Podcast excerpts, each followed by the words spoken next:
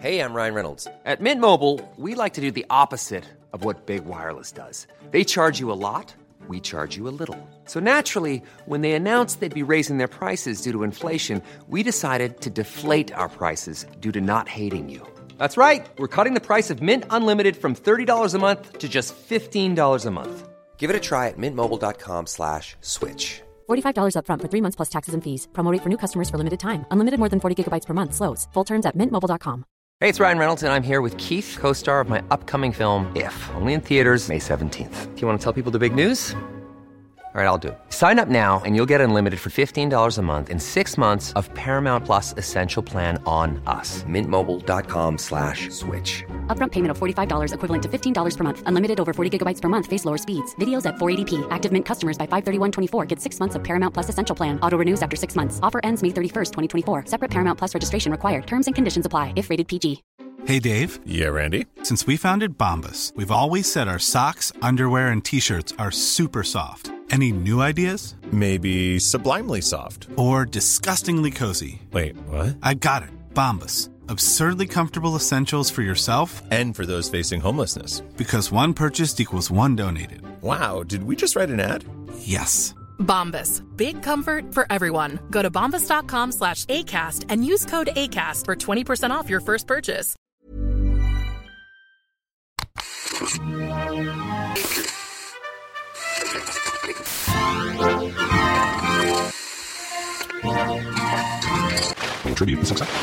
Hjertelig velkommen til en eh, ny bonusepisode etter den forrige, som jeg sa var den siste uh, i år. Jeg, hvorfor skal jeg forplikte meg til noe som helst? Hvis jeg har lyst til å lage en ny episode, så gjør jeg vel det når det passer meg. Så jeg kan si at dette her også er den siste, da. Før jul. Sier jeg det. Men jeg, gidder ikke å holde det løftet hvis jeg plutselig kommer på noe annet, så du veit jo aldri. Jeg skal uansett ikke lage noen nye sånne fulle landepisoder nå før Eller jeg skal lage dem, men jeg skal ikke begynne å publisere dem, som det heter, da, før uti Så jeg skal gjette nærmere 1. mars. Eh, så slutten av februar, tipper jeg. Mulig jeg, jeg gjør noen bonusepisoder og sånn innimellom når det skjer ting.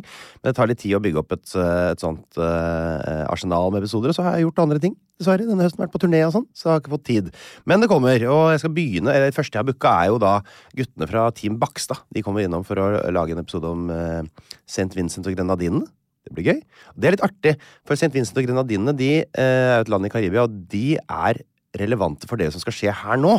For det er nemlig på St. Vincent og Grenadinene at det foregår noen meklinger da mellom eh, Venezuela og Guyana, som er dagens eh, konflikt eh, som vi skal snakke litt eh, eh, om. For det har nemlig dukka opp en eh, interessant og gammel konflikt nå igjen. Det har blussa opp i forbindelse med et oljefunn, kan man vel kanskje si.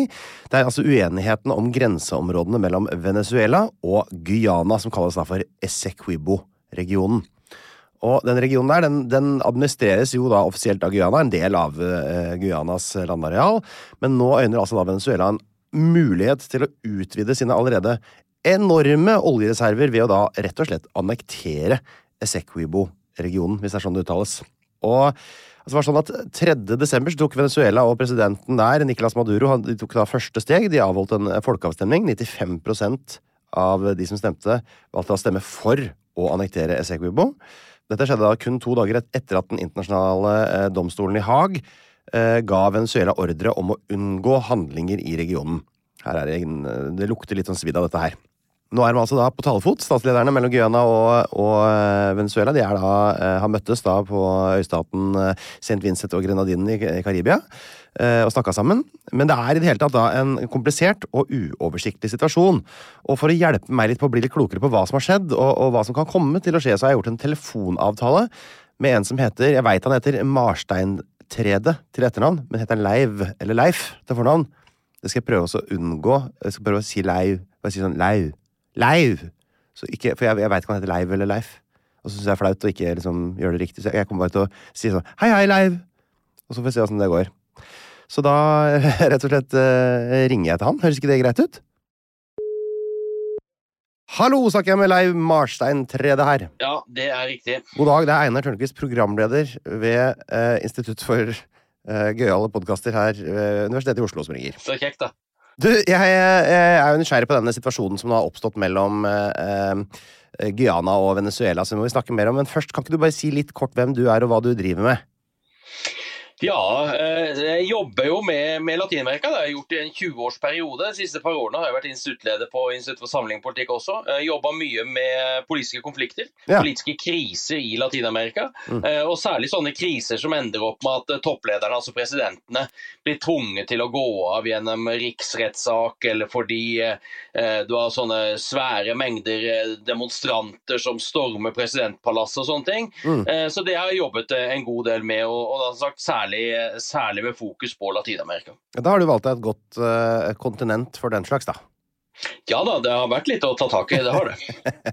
Du, og nå er det altså uh, Venezuela, og det er Guyana uh, det skjer uh, i, rett og slett. Kan ikke du fortelle kort litt om hva Hvem er disse to landene, og, og, og hva, hvordan er vennskapet deres? Ja, nei, Venezuela er jo det mest kjente, selvfølgelig. Det, det kjenner vi jo til, spesielt i Norge, fordi vi har hatt Hugo Chávez som, som ledet landet fra 1999, og Venezuela er et eh, relativt eh, stort land. Eh, det, det er, bor sånn 28-29 millioner innbyggere der.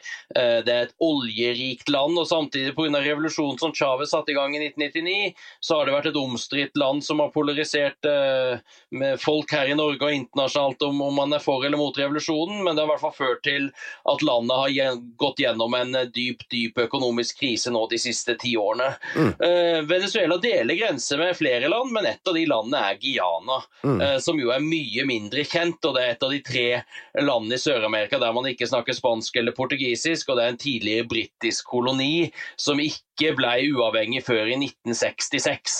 Eh, og Guyana er eh, kanskje sånn ca. to av Norges størrelse, så det er ikke et lite land, men det bor kun 800 000 innbyggere der. Så det er en miniputt i forhold til Venezuela, som jo er den truende parten i dette, i dette samarbeidet her, da. Mm. Så, så det er på et vis introen til de to landene. da. Så det er jo da eh, altså Guyana er jo kanskje mest kjent for folk gjennom dette, denne sekten som reiste ned på 70-tallet. Var det eh, Jonestown-massakren, eller hva det kalte seg for noe, hvor det var 1000 stykker som tok livet av seg selv. Kollektivt, ja. Ja. Det er liksom deres claim to fame. eh, Ja. Rett og slett. Litt trist å ha den. Men eh, ok, så er det da denne regionen som heter Esekwibo, Er det sånn det uttales? Ja, Esekibo, ja, det, Essequibo. ja, ja. Jeg ville sagt Esekibo, men jeg er faktisk ikke helt sikker på hvordan man uttaler det. Det kommer litt an på hvilken språkbakgrunn man har det. Er tenker, jeg spansk, tenker jeg spansk, så sier jeg Esekibo, altså. Ja, riktig. Så, Esekibo. Ja. Og, og det er da liksom en, en, en svær region egentlig vest i Guyana. Det er jo mesteparten av Guyana, rett og slett. Ja, det er vel ca. to tredjedeler av Guyana. Eh, enda tynnere befolket enn resten av Guyana. Det bor kanskje 130 000 mennesker der. Og det utgjør den hele den vestlige delen av Guyana, og det er omstridt. Av, av historiske grunner har vært det egentlig siden eh, Guyana mente, eller britene mente at dette tilhørte Guyana. Mm. Så britene overtok jo eh, det området som i dag er Guyana, fra Nederland eh, i 1814. Ja. Eh, og da ble dette en britisk koloni, og, og, og det var aldri definert hvor den vestlige grensen gikk. Nei, Og dette var jo i samme perioden som Venezuela holdt på å kjempe seg fri, eller Venezuela og Colombia og hele Sør-Amerika holdt på å kjempe seg fri fra det spanske koloniregimet. Eh, Så, så, så det var jo mye ting som var liksom i, i, i influx da, eh, i perioden. Mm. Så på 1830-tallet så kom da en tysk eh, forsker, Schumburg eller noe sånt, som eh, britene hadde leid inn for om de kunne tegne den grensen til Guyana, og, og det gjorde han. Og han tegnet da den grensen som, som nå eksisterer, og den gikk jo langt inn i det Venezuela mente tilhørte Venezuela. Eh, Fordi det venezuelanerne ønsker, er, er at de skulle overta det som var Spanias territorium Mm. da Venezuela og Colombia og andre land begynte å frigjøre seg fra eh, Spania. Eh, men, men det hadde da britene i mellomtiden tatt seg av og, og sagt det tilhørte Guyana. Det gjorde de i 1835. Og siden den gang, da, med litt opp og ned, så har Venezuela protestert på denne grensesettingen som ligger da vest for Essequibo-elva. Mm. Og da, det, så det er rett og slett en pågående Det har aldri blitt ordentlig oppklart. Det har aldri vært helt løst, den situasjonen mellom Venezuela og Guyana der, da. Nei, den har blitt løst et par-tre ganger uten helt å bli løst. Eh, Først så bare sa jo eh, britene at uh, denne linjen her, den, dette er Guyana, og det har jo på et vis bare vært sånn. Mm. Uh, Et av problemene er at Venezuela har jo aldri eh, noensinne gjort noe forsøk på altså De har jo ikke noe befolkning i området, eller sånne ting, så de har ikke noe hevd på det utover at det tilhørte Spania. Mm. Eh, men, men de protesterte særlig da, og det vil vi jo se igjen i dag, særlig da når, det, når man har funnet eh, verdifulle eh, naturressurser eh, i, i området. Så i 1876 så, så så fant man gull eller på 1870-tallet fant man gull i Esequibo-området, og da begynte venezuelanerne å protestere. og Det endte opp med en avtale som heter Parisavtalen i 1899, der amerikanerne var inne eh, for å, å, bistå i forhandlingene. og Det amerikanerne gjorde da, var å, å komme med en avtale som partene måtte akseptere, og det mer eller mindre bekreftet britene sin linje. Eh, Venezuela klaget på det og tatt opp i FN-systemet, og det ble en ny avtale avtale signert i 1966 som heter Genéve-avtalen, eh, der man står at man skal komme til en enighet, en minnelig enighet mellom partene. Og mm. dersom man ikke kommer til en slik enighet, så skal et passende internasjonalt organ avgjøre hvor grensen går. Mm. Og I 2020 så tok FNs generalsekretær og sendte den her til Den internasjonale domstolen i Haag for avgjørelse. og Det er venezuelanerne i dag litt irritert over. Nettopp. Også, altså, og, og, og, og, i mellomtida her, altså på 2010-tallet en gang, så ble det funnet olje, var det sånn? Eller er det noe ja. nyere? Eh, ja, det, det, er ganske nytt, ja. At det er funnet ja. olje. Det er funnet offshore olje. Ja. Altså, Venezuela har jo kjempemye olje. Det er et av de landene med de største oljereservene altså, ja, eh, Som tidligere har hatt ikke sant, største oljereservene. Det går fort nedover nå, riktignok, men, men, men, men de, har, de, har, de, har, store reserver mm. og, og, hatt stor produksjon. Så Venezuela er jo oljeland nummer én i Sør-Amerika. Men nå har de funnet det offshore uh, utenfor Guianas kyst, mm. og, og, i så store mengder at man sier at Guiana nå er på linje med Norge når det gjelder um, oljeressurser. Guiana har riktignok ikke begynt å utvinne så mye av dem ennå, men, men, de har et kjempestort potensial der. Ikke sant. Så de, de står jo da på terskelen til å da kunne liksom bli en rik nasjon? Ja, ja, eh, det gjør de. Og de har jo hatt en sånn økonomisk vekst nå de siste par årene som er helt hinsides alt, med sånn 30-40 vekst på et år. ikke sant? Ja. Eh, så, så, nå begynner de virkelig å se Eh, se eh, fruktene av dette her, samtidig som de nok sikkert også er litt bekymret med, med tanke på alle disse miljøforhandlingene som nå foregår, at olje skal fases ut. Altså de, så de, så de sjøl er jo åpne på det at vi må skynde oss, sier de. Ja, vi må skynde oss å bruke pumpe på oljen før klimatiltakene kommer. Riktig. Så, så, så, de har vel til 2050 nå, ifølge den siste avtalen, tenker jeg, må, må få pumpa opp alt dette her. Nettopp. Altså, dette her er da utenfor kysten, så dette ligger ikke i Esequibo. Nei, ok. Men dersom Venezuela har hevd på Esequibo, ja. så har de også hevd på de eh, havområdene der de har funnet olje. Og det er det som ligger under her, selvfølgelig. Ja, men... For er da de havområdene da knytta til Esequibo? Altså, altså, jeg tenkte kanskje det var knytta til Guyana som land, ikke til regionen som sådan? Jo da, de er jo knyttet til Guyana som land, men da forstått med at Essequibo-delen tilhører Guyana. Ja, okay. Skulle Essequibo-delen tilhøre Venezuela, så vil mm. det jo ligge utafor det området, og, og, dermed da på et vis skifte, skifte nasjonalt eierskap. Ja, eh, så, så, det er der det ligger. altså Venezuela, når de nå har begynt å, å, å, å gjøre dette til en politisk så er det underliggende her selvfølgelig ønsket om å få tak i oljeressursene som eh, ligger utafor kysten. Åpenbart. Så da, nå har de da, Det som har skjedd, det som har nådd nyhetene nå, som jeg har fått veldig mange tips om i det siste, er jo da at de har da avholdt en folkeavstemning i Venezuela hvor 95% av befolkningen, eller i hvert fall de som deltok, hvis vi kan stole på folkeavstemningen, stemte ja til å rett og slett annektere eh, denne delen av Guyana, som jo er en, er en voldsom beslutning. Det er litt av en folkeavstemning å avholde, er ikke det?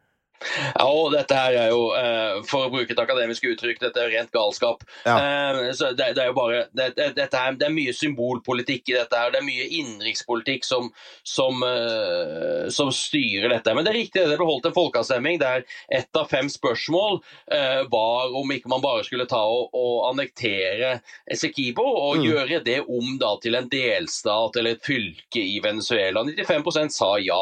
Så er det veldig omstridt hvor mange det var som delte deltok. Venezuelanske myndigheter sier at det var ti millioner som deltok, ja. og det ville i tilfelle vært et kjempebra, uh, kjempebra oppmøte.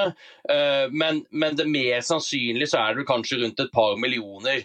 Uh, vi tror det at, at, de bare jukser og sier at det var ti millioner som deltok. Eller, de sier at Det er nok sannsynligvis heller bare at det er ti millioner stemmer som ble avgitt, i og med at det var fem folkeavstemninger. da, så, så, kanskje det var kanskje to millioner som deltok. og Det er i tilfelle en ganske lav valgdeltakelse. Mm. At, at Venezuela i dag dag er styrt av en eh, ganske upopulær eh, autoritær leder, Nicolas Maduro, som overtok for Chávez da Chávez døde i 2013. Ja. Han står foran et presidentvalg neste år.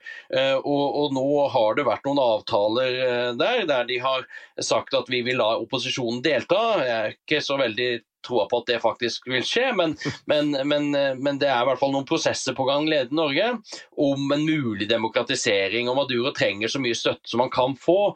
og Én måte å øke støtten på er å spille nasjonalismekortet ikke sant? og dermed få alle til å samles om dette kravet om Essekibo. Mm. Uh, og dermed holde en folkeavstemning. Uh, men Det har nok blitt et slag i trynet for Maduro, fordi uh, deltakelsen var veldig lav. Mm. Han greier ikke mobilisere folk sjøl når han, han gjør det i en sak som skal være nasjonalt samlende.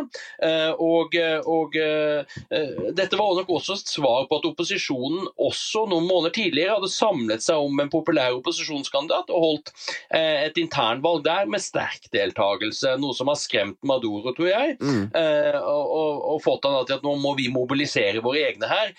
Og det har han egentlig ikke greid, selv om han har greid å skape da en internasjonal krise og stor oppmerksomhet om Venezuelas krav om, om. Men kan det være at venezuelanerne her rett og slett tenk, selv de tenker at selv om det er mye penger i en sånn uh, potensielt overtakelse av et oljeforekomst uh, her, så, så, er jo dette så heidundrende ko-ko. Altså, det vil jo være altså inn med tanks og bombefly og, og befeste et område med piggtråd og miner og altså Få sikkert både Storbritannia og USA etter seg, og det er jo, det er jo litt av et, eh, en, en stein å rulle utfor uh, kanten, dette her, da.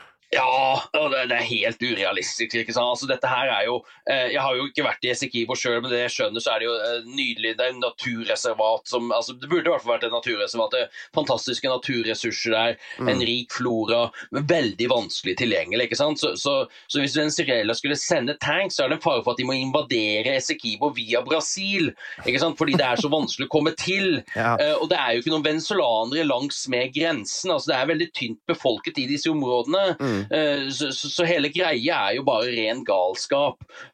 Så, så, så, jeg tror ikke at det kommer til noen sånn type militær invasjon, selv om Nei. det er det, det, det, språket Maduro har lagt seg på. Men det er klart at eh, som sagt, den letteste måten å komme seg til Esequibo fra Venezuela, der det bor mennesker i Venezuela, er via Brasil. altså. Jeg mm. tror ikke Lula vil bli så happy hvis Venezuela sender tanks over grensa. Ja, for Han var vel også, altså Lula, altså president i, i Brasil var vel også nå invitert på disse eh, kalde, holdt på å si, fredssamtalene uh, på St. Vincent og Grenadinene som ble avholdt nå nylig, var han ikke det?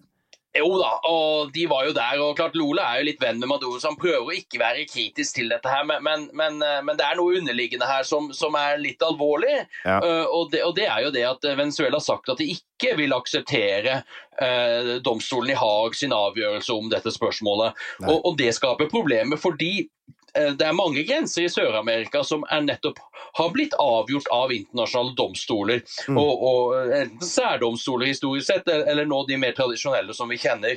Hvis Venezuela skal begynne å si at dette er ikke dommer eller grensesettinger som vi aksepterer, ja da åpner det seg med en gang konflikten med både Brasil og med Colombia og andre land i området. Mm. Eh, så, så, dette er noe som, som prinsipielt sett er, er, alvorlig, selv om vi ikke tror at det blir noen eh, krig her. Det jeg tror Maduro ønsker å oppnå, er å eh, redefinere dette her som istedenfor at det er han som er en aggressiv part, mm. redefineres dette som en internasjonal konflikt som det kan forhandles om, og at man da kan hive de oljeressursene eller inntektene for oljeressursene i området på det bordet, så Venezuela kan få seg en inntekt derfra. Det er det jeg tror de, de egentlig ønsker. Eller en kompensasjon for tapt inntekt, kanskje? da? Ikke sant? Mens Guyana vil selvfølgelig si på prinsippet nei, men altså dette er vårt territorium. Altså Vi driver jo ikke på å sende inntekter til andre land for vår olje. Nei, altså, åpenbart ikke. Nei, ikke sant? Så, så, men det er nok det han håper på mm. um, at vil bli utfallet. Om han lykkes med det, det tviler jeg vel på. Da, jeg, jeg, vil jo tro du har rett, men det er klart, jeg var, jeg var ganske sikker på at ikke Russland kom til å gå inn i Ukraina uh, for et par år siden også. Men så, så, ting snur fort. Men ok, men la oss si at uh, vi går for det mest sannsynlige utfallet her. Det blir ikke noe eh, annektering, noe invasjon. Uh, det, det, ser ikke sånn ut. Altså, Hva slags situasjon er det Venezuela er i nå? Hva slags hengemyr er det vi snakker om her som gjør at de begynner å, å liksom agere på den måten? Ja, nei, altså, Hengemyra har de vært i lenge, og det går faktisk bedre nå enn de gjorde for et år eller to eller tre siden. Vi må huske på at Venezuela siden, ja, i hvert fall de siste ti årene har opplevd det som i fredstid er, eh, i hvert fall for Latin-Amerikas del, er den største og lengstvarende økonomiske krisen noe land har hatt historisk sett. Altså, det er et enormt fall i økonomien. De har mista tre fjerdedeler av BNP, eh, har bare liksom radert bort.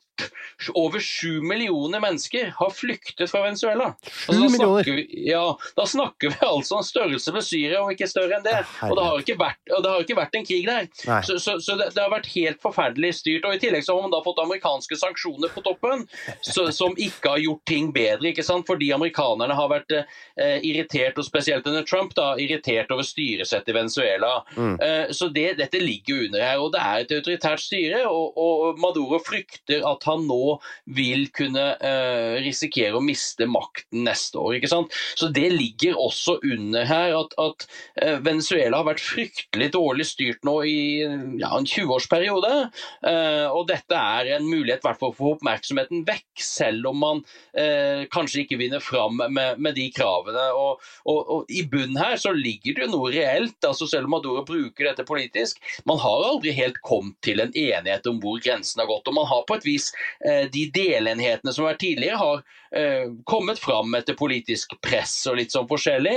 Eh, og, det vil jo være rimelig at man før eller siden vil, vil kunne komme til en enighet der om hvor grensene skal gå. Mest sannsynlig vil de gå der, der de har gått. Altså, Venezuelanerne har ikke benyttet seg av Essequibo-området eh, de siste 150-160 årene, så, så det virker jo rimelig at linje vil trekkes der. Men, men, men det er underliggende at, at eh, Og det er sant det som Maduro at man har aldri på et vis anerkjent denne grensen. Det er spennende.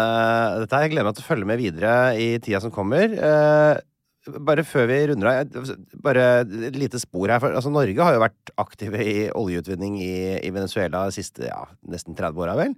Er Norge liksom innblanda i dette her på noe vis? da? Nei da, og klart Norges rolle i dette her med olje var veldig liten også i Venezuela. Eh, nå er vi vel helt ute av det. Statoil hadde så vidt noen kontorer, eh, men, men solgte seg vel ut. De selskapene som er i Guyana nå, er særlig store amerikanske selskaper, Exxon bl.a. Men nå ser jeg også at Chevron har kjøpt seg opp der, og Chevron eh, driver også utvinning i Venezuela. Eh, Så venezuelanske myndigheter har jo sagt at de vil sanksjonere selskaper som vinner ut olje i Guyana, og det kan bli et problem hvis, hvis Chevron eh, nå begynner å vinne ut olje i Guyana, fordi Chevron er et av de få internasjonale selskapene som faktisk bidrar med oljeutvinning i det kriserammede Venezuela. Så, så, så her møter de seg sjøl litt i døra.